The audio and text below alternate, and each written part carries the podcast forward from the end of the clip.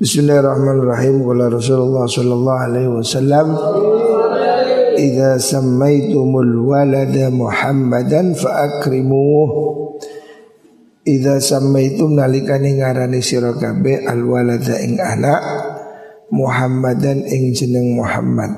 Kalau kamu punya anak diberi nama Muhammad fa akrimuhu mongko sirahu ing waladnya muliakan anak yang bernama Muhammad. Artinya ya bukan berarti tidak boleh dimarahi ya. Dimuliakan itu dihargai nama Muhammad jangan diolok-olok umpamanya. Wa ausi'u lan jembarno sira lahu maring Muhammad fil majlisi dalam majlis nggon lungguh. Wala tuqabbihu lan ojo ngalaaken mengucapkan buruk sira lahu maring lahu maring mengkuno mengkuno Muhammad wajhan ing wajai. Maksudnya larangan untuk menghinakan nama Muhammad karena nama Muhammad itu adalah nama Nabi yang kita hormati. Umpamanya kamu punya ada anak namanya Muhammad, hendaknya kamu ya boleh marah ya boleh aja kalau nakal ya boleh, tapi jangan terus kamu maki-maki terlaknatlah umpamanya. Loh, ya itu kan Muhammad itu akhirnya kan eh, jangan sampai menghina atau me, membuat kata-kata yang kasar, yang jahat ya, karena menghormati kesamaan nama dengan Nabi Muhammad Shallallahu Alaihi Wasallam. Dan dianjurkan kita ini memberi nama anak kita itu Muhammad, Ahmad ya untuk tabarruk dengan nama Nabi Muhammad Sallallahu Alaihi Wasallam. Dan bahkan khususnya untuk orang yang kepingin punya anak laki-laki, ini mujarab. Orang yang ingin punya anak laki-laki hendaknya supaya bernadar kalau istrinya hamil tiga bulan supaya dinadari diberi nama Muhammad. Itu sudah terbukti ya. Saya berkali-kali ada orang kepingin punya anak laki-laki. Saya bilang kamu kalau istrimu hamil tiga bulan hendaknya sudah kamu niati ya. Bahasa Arab boleh, bahasa Jawa boleh. Kalau bahasa Arab Allahumma inni samaitu ma fi batniha Muhammadan faj'alhu dzakara. Ya Allah saya beri nama bayi yang di dalam perut istri saya ini saya beri nama Muhammad jadikan laki-laki. Insya Allah ya 99% anaknya laki-laki. Jadi ini sudah saya praktekkan anak saya laki-laki Muhammad Ahmad ya. Karena memang itu doanya. Ada teman saya punya anak berapa putri putri putri terus datang minta pingin anak laki. Saya bilang kalau istrimu hamil tiga bulan ya, sebagusnya itu ketika tiga bulan itu, ketika mau dibentuk itu. Kan awalnya ini masih darah, terus melalui proses lah ketika pembentukan itulah niatkan ya. Kalau bisa ya didoakan, didoakan ya, perutnya dipegang. Duduk sore petangnya. Allahumma inni samaitu ma fi batniha Muhammadan faj'alhu dzakara. Ya Allah saya beri nama bayi ini di perutnya istri ini Muhammad. Jadikan dia laki-laki. Insya Allah ya ini sudah mujarab saya menerima ijazah dari guru saya dan sudah berkali-kali saya praktekkan. Insya Allah bayi ya yang diniati namanya Muhammad lahir laki-laki. Ya. Iku lek pingin anak lanang. Saiki bayi tambah akeh lahir wedok kabeh Makanya lanang susu tambah larang. Nah. Jadi ya semakin anu ini populasinya ini cewek semakin banyak. Ya bagus saja anak cewek cowok sama aja. Tapi kalau kamu pingin anak laki-laki, nah itu doanya ya supaya punya anak laki-laki. Idza saribtumul ma'a fashrabuhu masson.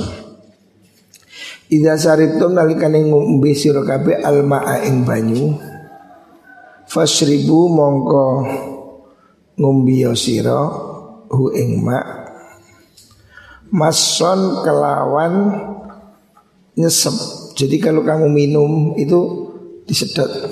Jangan kok kok kok. Jangan koyo ngokop tahu ngokop. Ya. Jangan ngokop. Wala tasrabuhu lan ojo Napa niku wau ngombe sira ing aban kelawan ngokop. Sebab ngokop ah. Ngokop itu ngombe dengan apa? Kayak disok nih loh. Kan kadang ada ngombe itu kok botol mbak dua nggak terus nguncur coba mengalir deras. itu namanya ngokop. Jangan ngokop. Bahasa Indonesia apa ngokop nih? ya, ya mengokop.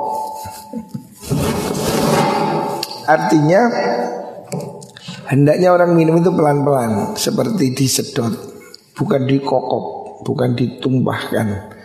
Fa innal abba sutune ngokop.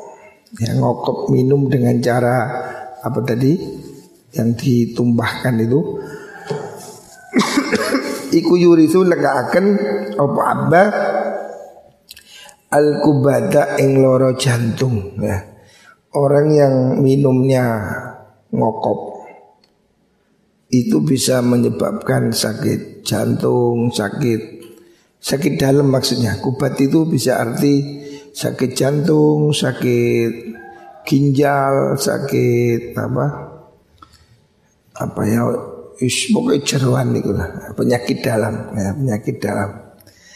Makanya kalau minum itu pakai aturan ikutlah anjuran minum Rasulullah Shallallahu Alaihi Wasallam. Jadi kalau minum pelan-pelan, tetetetet, ojo. Nah, itu hadis riwayat Imam Ad-Dailan.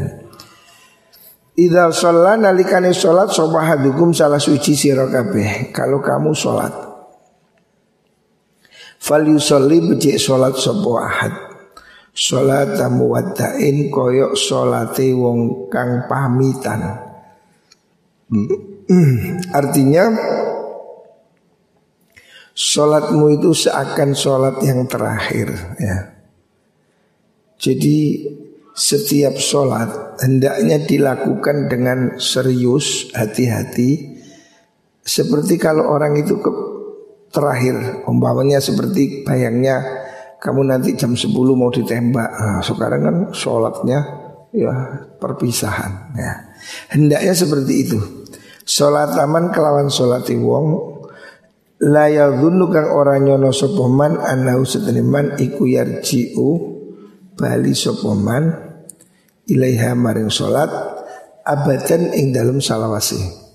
Jadi hendaknya kamu sholat seakan itu sholatmu yang terakhir ya.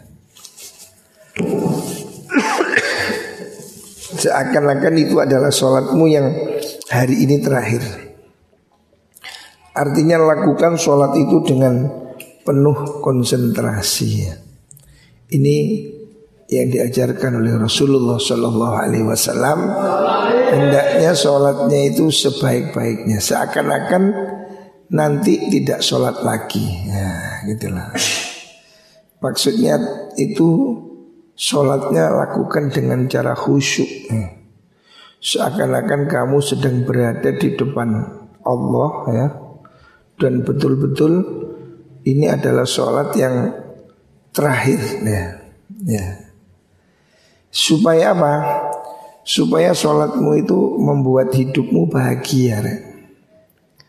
Allah itu sudah memberi jaminan dalam Al-Quran Qad aflahal mu'minun alladzina hum fi sholatihim khashi'un ya. Khashi'un ditafsiri ay khaifun ya minallah.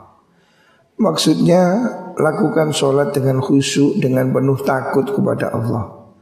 Kalau kamu sholatnya itu baik ya khusyuk ya dilakukan dengan betul-betul merendah ya. Sholat itu kan merendah ya bersujud, ruku itu kan sholat itu kan posisi menyembah ya sampai sujud. Sujud ini kan merendah yang paling pol. Nah, manusia ini anggota tubuh yang paling dibanggakan kan wajah. Sudahlah kamu ada orang cewek bodinya top tapi ini kayak jaran nah, pasti nggak mau. Orang itu yang ditelok mesti ini disi ya. Wajahnya pasti menjadi peran. Makanya orang itu untuk wajah ini dia rela apa? Biaya mahal. Nah bojomu kepingin ayu ya wedake kudu larang wis bengese apa mana iku empos-empos iki macam-macam lah pokoknya. Lah kamu kepingin istrimu cantik tapi gak kok wedak ya repot. Nah, makanya cantik itu mahal. Nah, seperti saya lihat kemarin di berita siapa artis namanya Barbie? Kemala Barbie ya. Itu untuk mempermak wajahnya. Raini Toil perlu biaya 4 miliar. Oh. dan dani dan dani rai. Jadi irungnya ditambahi maju bibirnya dilukis cilik no doer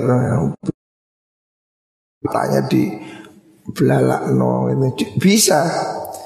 Jadi orang ini bisa diservis ya. Wadi asale wireng ini iso di kling dadi ya sing murah enten enten. Terus pun di ya edit kamera 360 kadek luku beauty plus ah, itu. Sekarang ini banyak aplikasi jahat. Ya waduh kelihatan di Facebook wajahnya celing-celing barang ketemu Lu lah kok burak Ya itulah korban kamera jahat Orang ini bisa mempermak wajahnya dengan biaya mahal ya. Itu contohnya kamu saya lihat di Facebook apa di apa itu ada artis menghabiskan 4 miliar untuk mempermak wajahnya. Dan beda memang sebelum dipermak dengan setelah dipermak. 100% jadi kenaikannya itu 100% jadi ini kayak Huda itu kasih 4 miliar yo Aliando kalah. Langsung body waduh. Lawang itu sekarang ini bisa dibentuk loh Irung ditambahi, dagu dilincipkan Matanya dibelolokkan Wah ini was Pokoknya Orang ini mau biaya mahal Demi wajahnya. Nah dalam sholat Wajah yang paling dibanggakan itu Ditaruh di lantai Tempatnya kaki. Oh ini kan merendahkan serendah-rendahnya sudah. Ya. Makanya sholat ini harus ada efeknya. Kata Al-Quran Simahum fi wujuhihim min athari sujud Athari sujud itu bukan jidat hitam ya, Salah Jidat hitam ini bisa ditutup ya hitam Bentuknya ya hitam Athari sujud itu efek dari sujud Maksudnya apa? Tawaduk ya. Asari sujud itu membuat orang itu hidupnya rendah. Tidak sombong, tidak mentang-mentang ya. Jadi si mahum fi wujuhim itu di wajahnya tampak. Asari sujud, efek sujud Membuat hidupnya itu menjadi tawadu, ramah, tidak sombong. Itu asari sujud. Lah kalau judatnya hitam tapi galaknya hmm, haram, kafir, kafir. Nah, itu bukan asar sujud itu asarnya Fir'aun Jadi banyak orang yang batuknya batuk batuk gosong tapi kelakuannya bukan bukan kelakuan sujud ya. Sujud itu membuat kamu jadi tawaduk. Nah itu asar sujud ya. Tidak ada satu hadis pun riwayat kanjeng Nabi batu ireng kano. Wis cari di hadis mana pun tidak ada. Bahkan yang ada itu riwayat Ibnu Umar ada sahabat ini batuknya hitam. Terus ditanya oleh Ibnu Umar, Kenapa jidatmu itu hitam gosong kayak wajan? Dia bilang ini efek sujud. Kata Ibnu Umar, wallahi saya sholat di belakang Abu Bakar, Umar ya. Tidak ada yang jidatnya hitam itu. Kanjeng Nabi jidatnya tidak hitam. Abu Bakar, Umar jidatnya tidak hitam. Saya sholat di belakang Abu Yazid Muhammad bin Alwi al-Maliki di Mekah. Ahli hadis, ulama besar. Baduir kak jireng belas Ya Hamid Pasuruan Masyur Wali Telan. Baduir kak kosong Sing kosong itu ya Ya mbu bapak Dusek-usek Bahkan kalau diusek-usek ini tidak boleh Itu riak namanya ya Tapi kalau kosong asli ya silahkan aja Tapi jangan salah paham Efek sujud itu bukan digosong ya efek sujud itu perilaku. Wajahnya menjadi teduh. Wajahnya menjadi apa itu ramah, tidak sombong. Itulah efek sujud ya. Nah, hendaknya orang ini sholatnya seperti itu. Kalau orang itu sholatnya khusyuk, pasti hidupnya bahagia. Ini sudah dijamin oleh Allah lah, yang jamin Allah. Qad aflahal mu'minun Qad pasti ya. Kalau Allah yang menjamin pastilah. Kamu sekarang dibilang oleh medsos Bahaya corona. Kamu takut? Saya takut. Padahal yang bilang medsos. Lah kalau Allah yang bilang Masa gak percaya? Allah mengatakan Qad aflah Betul-betul oh, Pasti Qad aflahal mu'minun Orang mukmin ini pasti bahagia ya. Hidupnya pasti bahagia dunia akhirat. Asalkan alladzina hum fi salatihim khasyiun. Orang yang salatnya khusyuk. Makanya kamu kalau kau sholat tapi kelakuan musik penjilaan ya itu koreksi sholatnya ya. Berarti sholatnya belum sip ya.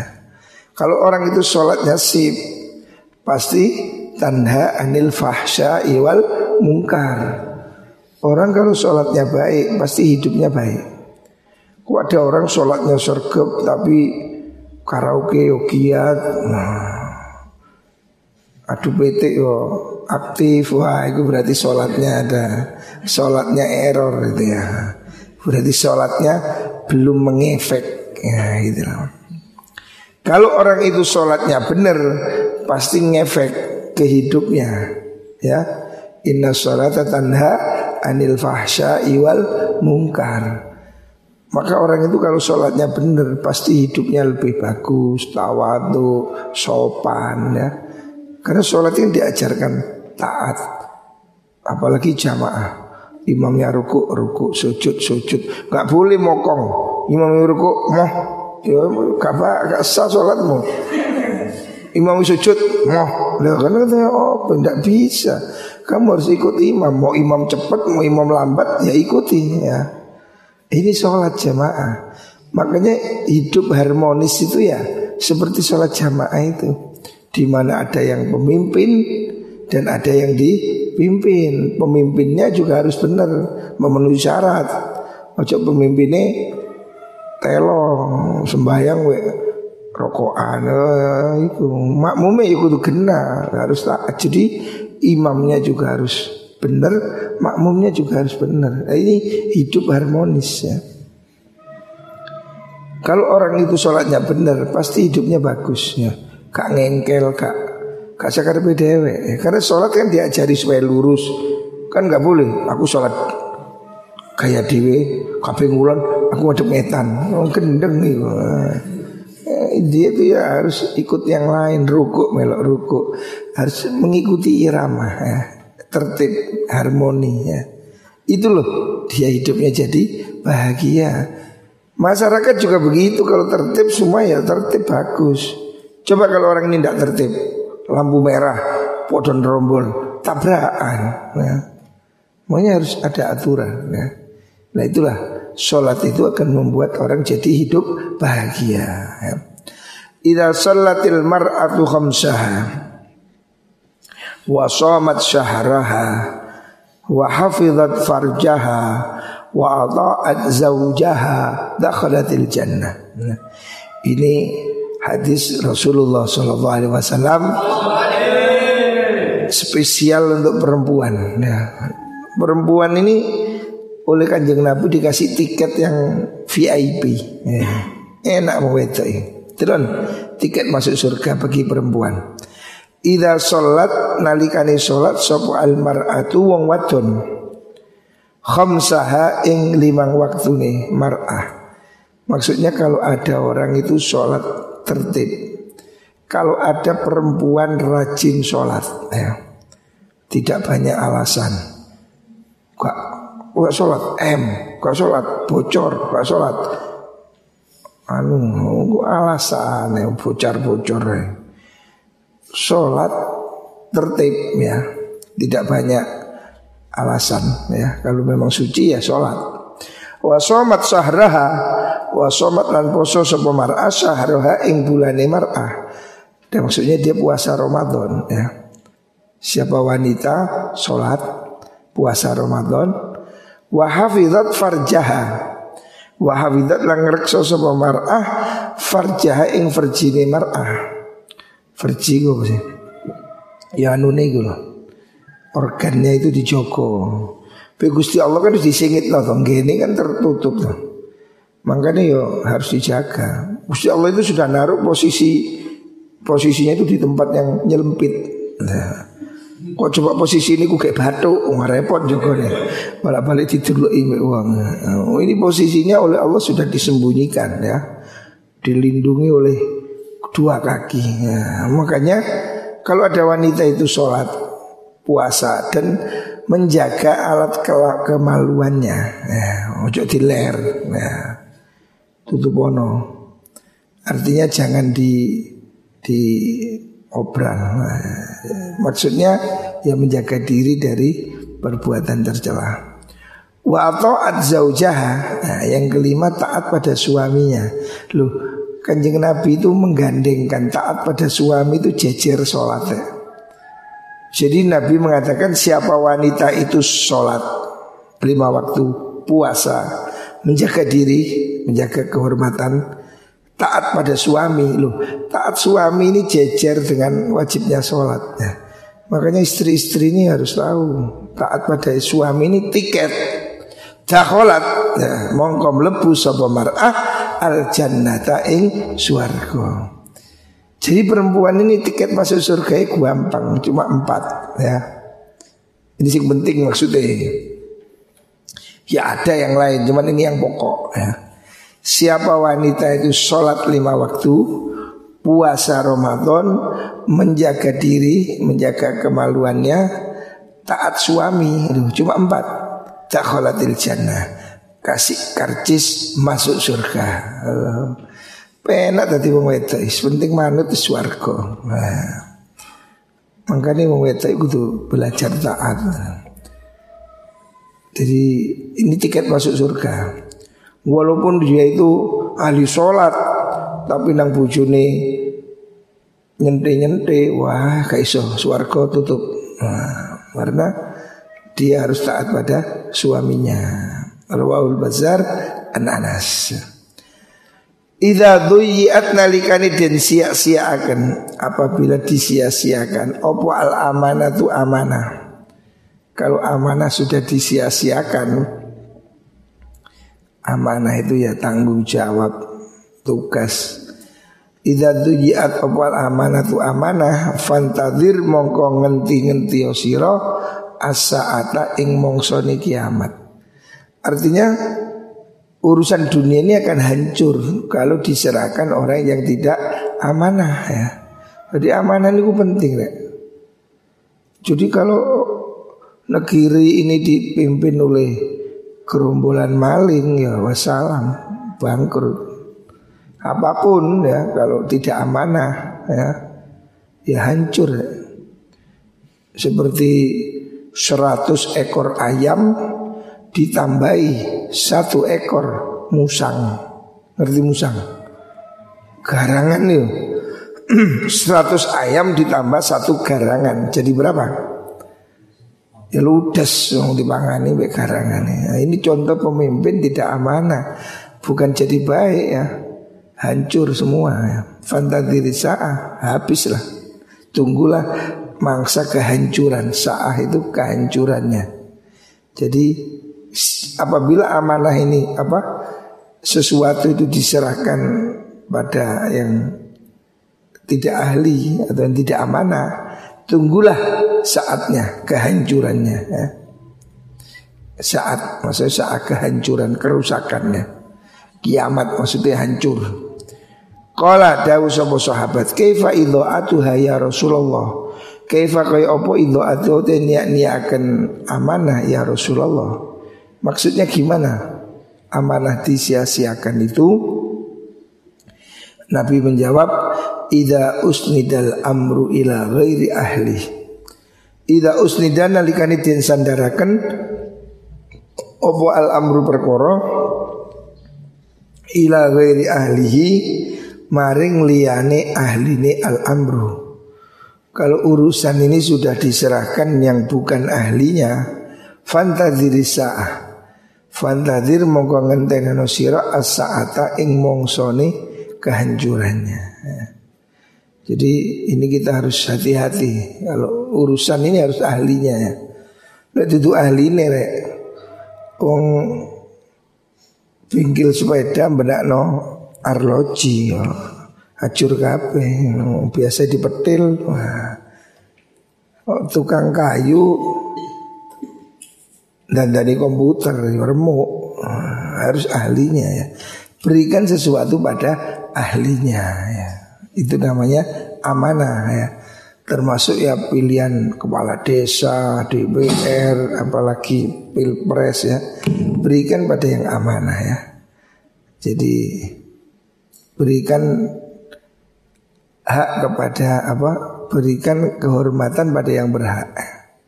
Jangan jual beli suara ya. Akan nyesel, hancur. Karena ini kan banyak loh DPR bagi-bagi, pilkades bagi-bagi, pokoknya pil-pil itu bagi-bagi. Akibatnya ya hancur, sulit cari pemimpin yang baik ya, karena tidak amanah ya, bagi-baginya itu. Ya. Rawahul Bukhari, ini hadis riwayat Imam Bukhari.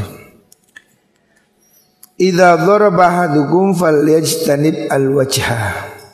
Ida doroban alikani mukul sop ahadukum salah suci sira Kalau kamu memang harus memukul walaupun itu pilihan yang bukan terbaik ya. Falyajtanib mongko ngedono sira al wajah ing wajah. Hendaknya jangan mukul wajah gitu loh. Allah memang membolehkan memukul ya dalam Al-Qur'an ya. Loh kok Allah membolehkan Itu solusi terakhir ya Kan Allah katakan dalam Al-Quran Walati takhafuna nusyuzahunna Fa'idhuhunna Wahjuruhunna fil madaji'i Wadribuhun. Solusi terakhir ya dalam rumah tangga. Kalau bisa ya diskusi. Oh istrimu ini kok agak kurang benar Kasih nasihat ya. Cara pertama itu diskusi nasihat Eh jangan begini istrimu kok doyan uang warung he jangan makan warung he oh, kasih nasihat. Jangan boros jangan apa meceng jangan apa yang istrimu tidak benar benerin ya. Memang tugasnya suami ya. Jangan biarkan istrimu sonjo apa ngeluyur ngelayap. Ya, kamu harus ingetin oh hei istri jangan ngeluyur ya. Kamu harus di rumah. Oh jangan kelayapan, jangan boros-boros ya. Harus menyesuaikan ya. Wong bojone nyambut gawe becak belum jadi soto terus ya bangkrut. Maka kamu harus kasih nasihat eh ini jangan boros, eh jangan suka keluyur, jangan suka ke warung umpamanya. Beri nasihat supaya ada diskusi ya. Itu solusi pertama rumah tangga ini harus komunikasi. Kalau diajak omong baik-baik nggak bisa, maka kemudian solusi kedua wahjuruhunna fil madaji. Didiemin ya. Jangan terus minggat, is meneng-menengan sih. turu kamar ngarep, situ turu kamar buri. Nah, jadi jangan terus tengkar pergi kabur nah, ketun kan. Bungi-bungi kademen bingung. Nah, makanya ya solusinya didiemin. Nah, didiemin wahjuruhunna fil madhaji. Tetap tidur bersama tapi nggak omong. Situ ngadep ngalor, situ ngadep ngidul. Baru kok di diemin kok sih kurang ajar ae. Wong wedok nyen potongane nyen potongan beketut ya. Wadribuhun. Nah, solusi terakhir dipukul boleh. Tapi tidak boleh mukul wajah ya. Maka Nabi mengatakan falyastanib al wajah. Jangan terus bujumu buat tuapui aja ya. Boleh memukul tapi tidak boleh melukai ya. Mukul sampai pucuk serban tah apalah maksudnya hanya untuk menunjukkan ke kemarahan ya. tidak apa-apa tapi jangan mukulnya pakai pentung wah ya pidana tidak boleh mukul wajah tidak boleh melukai jadi memukul itu adalah suatu ekspresi ya, kemarahan gitu lah ya ini cara untuk menangani istri ya Memang perempuan ini kata Rasulullah Sallallahu Alaihi Wasallam bahwasanya perempuan itu diciptakan dari mindil dari tulang rusuk ya. Jadi tulang rusuk itu kan bengkong. Ceklon dodomu. Masuk ada tulang rusuk lurus. Ayo robot. Nah, namanya tulang rusuk itu kan bengkong. Artinya tulang rusuk itu bengkong. Wanita itu cenderung membengkok. Kalau dipaksa, kalau kamu paksa diluruskan patah. Mau wedok dikeras, cuklek. Eh, maksudnya ya apa? Patah hati atau ya menjadi pecah. Nah, makanya kata Nabi Hendaknya kamu wastausu bin nisa'i khairan Hendaknya kamu berilah nasihat yang baik pada istrimu Kalau kamu biarkan Ya istrimu akan bengkong terus memang tulang tulang rusuk itu bengkong. Ibaratnya begitu. Makanya perlu harus terus dibenahi, dikasih tahu, beri nasihat ya. Tapi jangan dikasar. Kalau dikasar patah. Nah, maka harus di harus di apa? Yuk kendu kenceng gitu lah. Itu seninya begitu. Kalau kamu terlalu keras patah. Kalau kamu biarkan, ya bengkong, ya sakar PDW. Ya, makanya harus ada ada diskusi, ada ini solusinya begitu. Jadi rumah tangga itu harus selalu ada komunikasi. Baru langkah terakhir itu boleh memukul. Memang itu sebagai solusi terakhir. Lah uang gak kena diomongi, jadi ya kepo. Lah saya diomongi ya diomongi ya. Sapi aja kan gitu toh, sapi di kawan berujul, eh, oh, her her maju ya kayak dikepo. Kok di kawan nganan ngiri ya dikepo, baru ngiri. Jadi Uang kok dikandani gak kena Ya berarti rasa sapi ya dikepuk eh, supaya dia gak neronggol. Makanya memukul itu solusinya. Tetapi tidak boleh memukul wajah dan tidak boleh melukai gitu ya. Itu yang diajarkan oleh Rasulullah Sallallahu Alaihi Wasallam. Jadi kok Islam bolehkan memukul iya, tapi itu sebagai solusi terakhir gitu. Nah kalau di jarno bujune ngeluwamak ngelunjak, ha? terus kata kok jarno ya stres, ya kan lebih baik di nasihati begini-begini itu sebagai langkah lebih baik daripada oke nggak boleh pukul terus apa cerai kan lebih buruk Hah? Kamu didik cerai lu kan lebih buruk makanya kalau dibanding ya dibanding ini lebih baik ini gitu loh maksudnya Wa inda dzikril ama istahsanul awar. Kalau dibanding picek ya apian kero gitu loh. Yo kero iku elek ya kan. Tahu kero. Juling. Juling ini nggak bener ya nggak api, tapi dibanding buta ya lebih baik kero gitu lah. Memukul ini mungkin tidak bagus, tapi dibanding daripada rumah tangga harus kandas, bercerai, eh, ya lebih baik dibenahi ya. Ini kan solusi gitu loh. Ida tolaat budi Ida tolaat nalikane metu opo asuroya bintang suroya. Ya, ini ini yang sekarang tren. Saya lihat di Facebook Facebook di share prediksi kanjeng Nabi virus corona. Nah, ini yang dipakai dalil ini. Saya lihat banyak YouTube YouTube atau apa itu YouTube atau Facebook WA yang mengeser hadis ini bahwa corona akan selesai bulan Mei. Ya. Corona akan selesai bulan Juni. Ya, ada yang bilang begitu. Dalilnya mana? Corona akan selesai. Ini yang dipakai. Dalilnya ini. Idza tala'at nal kalimatu opo asuraya lintang suraya. Jadi itu dalam ilmu perbintangan ada namanya bintang suraya. Amina mongko Selamat opo sopo azariu wong kang gogo orang yang bertani minal ahati saking saking bahaya pak bahaya.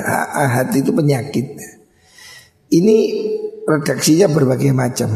Terus wong difahami ahad itu adalah corona. Ya enggak ya. Ahad itu penyakit tanaman sebetulnya. Sebetulnya hadis ini simpelnya begini loh.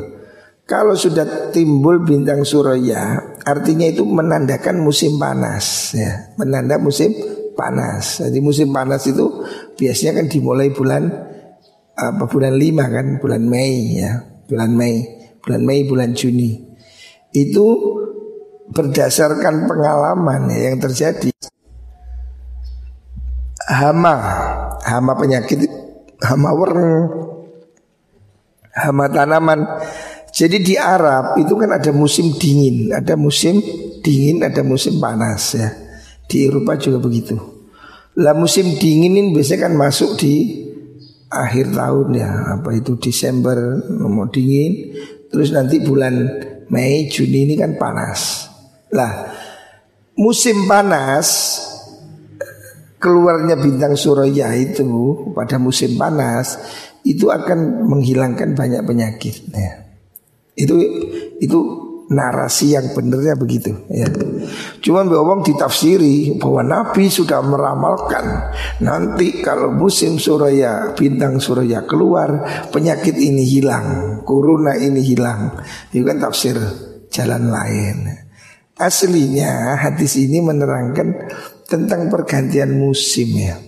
Jadi kalau musim panas itu biasanya penyakit tanaman hilang, terus buah-buah menjadi bagus ya kan. Kayak buah kurma apa itu kan musim panas bagus ya. Penyakitnya hilang ya. Artinya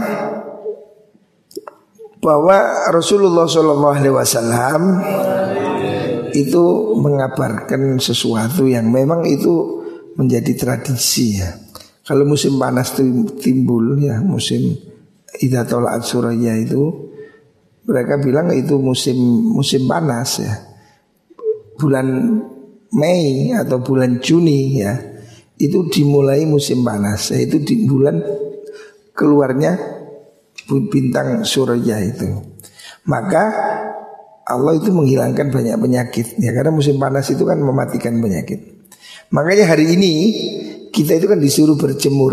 Ya sudah banyak penelitian menghadapi virus corona ini. Kamu kalau siang jam 11 12 supaya berjemur. Jangan malah depis, terlalu ada pun malah singitan, turu yang gelap itu salah. Itu mencari penyakit kamu. Jadi kasus Covid ini terjadi banyak di mana? Di Jakarta.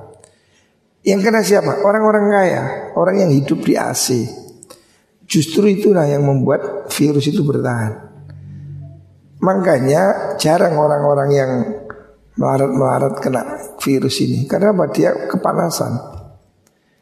Makanya terus ada lagi dokter yang mensyaratkan supaya orang itu pakai masker yang ketat.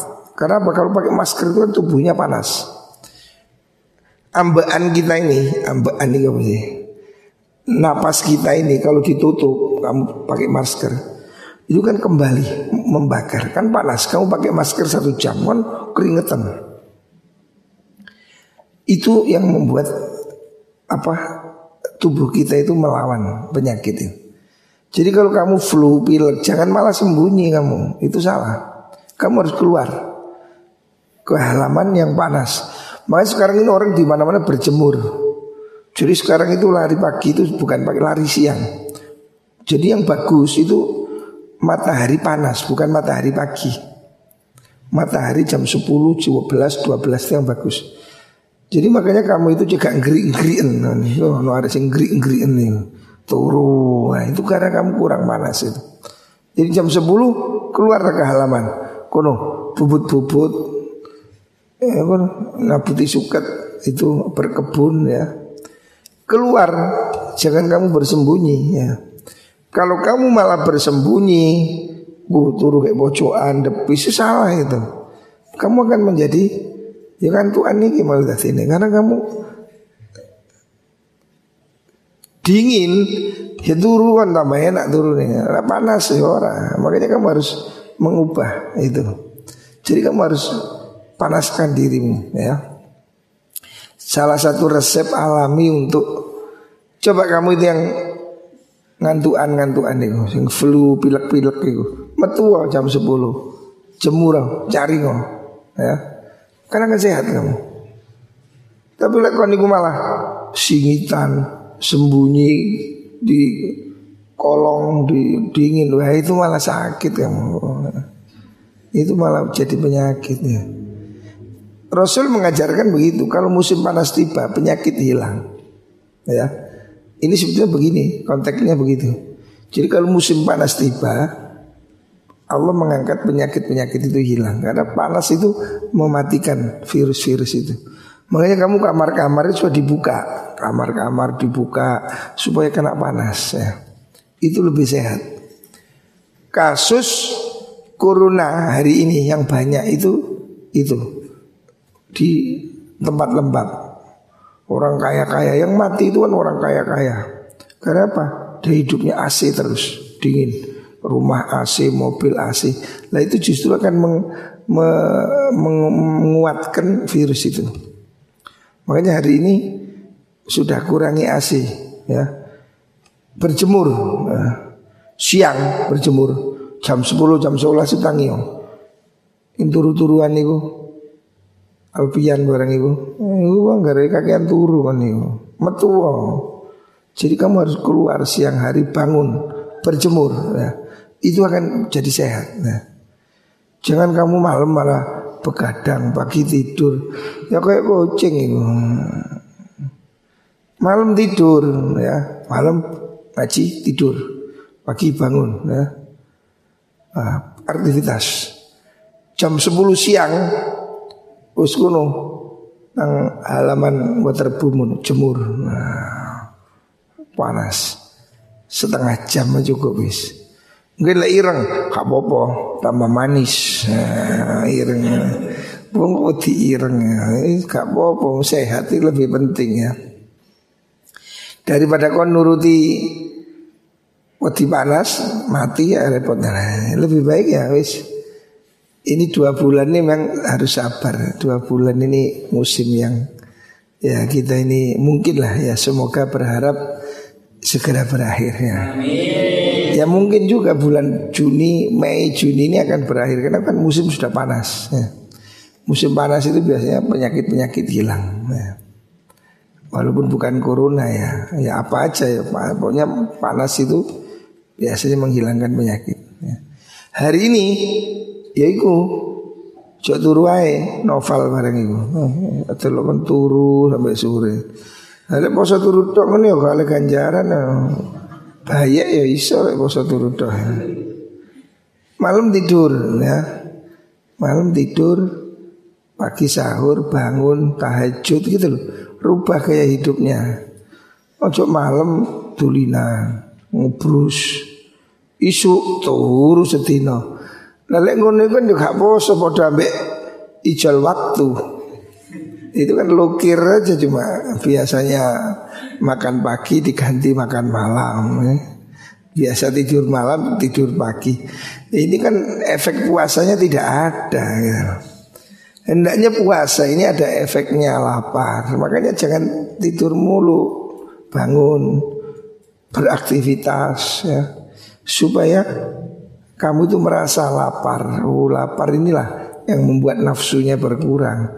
Dalek kon isu turu, tangi sore, yo kan efek Lah apa lah padha ya mbek bengi turu isu tangi sarapan. Tidak ada efeknya puasa ini bagi hidupmu. Kalau kamu puasa malam begadang pagi tidur sehari, ya tidak tampak efeknya puasamu itu tidak ada. Pemani mangani pancet ake, reken kodok, bukone kodok dur awan di kodok. Coba kamu makan itu Ramadan tambah banyak. Biasa ganti es, lagi malam es. Itulah contoh bahwa puasa kita ini masih urusan makan. Itu coba mangan ditambah ke. Biasa ganti es tekan, es tekan. Biasa ganti dawet, dawet. Sekarang kamu kan makannya malah tambah enak. Ini balik ya. Ini balik ya. Hah? Kamu ini mesti dengan puasa ini malah makanmu tambah enak. Nah ini tujuan puasa menjadi tidak tercapai, gitu loh. Wong tujuannya puasa itu untuk melemahkan syahwat, melemahkan nafsu. Makanya ngurangi makan, gitu loh. Nah kalau puasa ini membuat kamu makan tambah banyak, menunya tambah lengkap, itu apa gunanya puasa? Tak bodoh aja gak poso Gak ada efeknya. Jadi puasa ini harus ada efeknya pada hidupmu. Apa? Kamu menjadi ngurangi makan. Kamu jadi lapar, jadi lemes. Nah di situ kan syahwatnya menurun. Di situ ibadahnya semakin naik. Itu yang benar puasa. Lah kalau puasa kamu pagi tidur Sore baru bangun Makan lagi, makan lagi, tidur lagi. Ya itu kan cuma lukir cara bahasanya. Tahu lukir? Ngerubah waktu makan aja itu cuma makan pagi diganti makan malam gitu aja. Tidak ada efeknya puasa bagi hidupmu. Itu yang dikatakan oleh Imam Ghazali kemarin puasa yang biasa. Puasa hanya soal makan. Harusnya puasa itu bukan soal makan. Kalau cuma tidak makan, kucing itu gak makan ya kuat. Wedus gak dipakan sedino ya kuat. Kucingnya novel itu kayak ini gak dipakan sedino ya ngeong-ngeong tapi ya gak mati ya urip aja. Kalau cuma gak makan kucing bisa gak makan. Coba kucingmu itu tak selalu kayak ini gak dipakan Ya urip ya gak mati. Ya sedino ya. Wedus ya pakanan terus kurungan sedino. Ya urip ya. Kalau cuma nggak makan sehari, kucing pun pinter, gitu loh. Apa bedanya puasamu dengan puasanya kucing? Nah, kalau puasamu tetap bikin kamu buas kayak kucing ya, udah ada gunanya kamu puasa. Puasamu harus mengubah hidupmu. Nafsunya turun, emosinya turun ya. Syahwatnya turun, naik kecerdasan ruhaninya menjadi perilakunya baik, menjadi khusyuk, menjadi rajin ibadah. Nah ini puasanya benar ya. Bukan soal ngerubah makan. Kalau cuma ngerubah makan Ya kucingmu itu subuh pakai nono Terus maghrib pakai nono Ya gak apa-apa Ya seneng ya Isu gak ono makan Bengi gak ono makan Ya urip Nah cuma soal begitu Apa kualitas puasa kita Kucing juga bisa. Tapi puasa ini harus menambah peningkatan hidupmu lebih baik, lebih taat, lebih sergap jamaah, lebih sergap ngaji. Lah ini puasamu benar. Maksiatnya berkurang ya. Tidak berkunjing, tidak maksiat telinga, mata, kaki semua. Ini puasanya benar. Kalau cuma nggak makan, apa bedanya? Ya. Itu yang disebut oleh Rasulullah Sallallahu Alaihi Wasallam. Kam min so'imin laisa lahu min ta'ami ilal ju. Banyak orang puasa cuma dapat lapar, nggak dapat pahala. Ya karena yang puasa cuma perutnya tok imam. Subuh turu tangi maghrib mangan ini ngono tok ya, tidak ada efek apa pun itu. Efeknya tambah gendut yang jadi. Pembangan ditambah akeh. Biasa kati kolok tambah kolok. Biasa kati es sirup es sirup. Coba terbukti makanmu sekarang kan mesti lebih enak. Tak celok ya. Maghrib kupuh boleh es. Biasanya kan gak ada. Saiki maghrib es, susu. Apalagi itu tegan lah, apalah. Berarti menunjukkan bahwa kualitas puasamu itu hanya untuk soal peningkatan makan. Nah, biasanya gak kadik kolak ditambah kolak, biasanya kadik es ditambah es. Itu apa mu faedah puasamu cuma menambah makanan hanya untuk menambah porsi dan apa dan jenis menu aja. Nah ini yang puasa yang gagal. Makanya harus dinaikkan puasa satu tingkat. Puasa mulut dari bohong, dari fitnah, adu domba, puasa mata dari maksiat, puasa telinga, puasa gosip ya tubuh kita itu berhenti dari maksiat. Nah inilah puasa ya. Muka-muka puasa kita ini lebih naik menjadi istimewa. Harakatil Fatihah.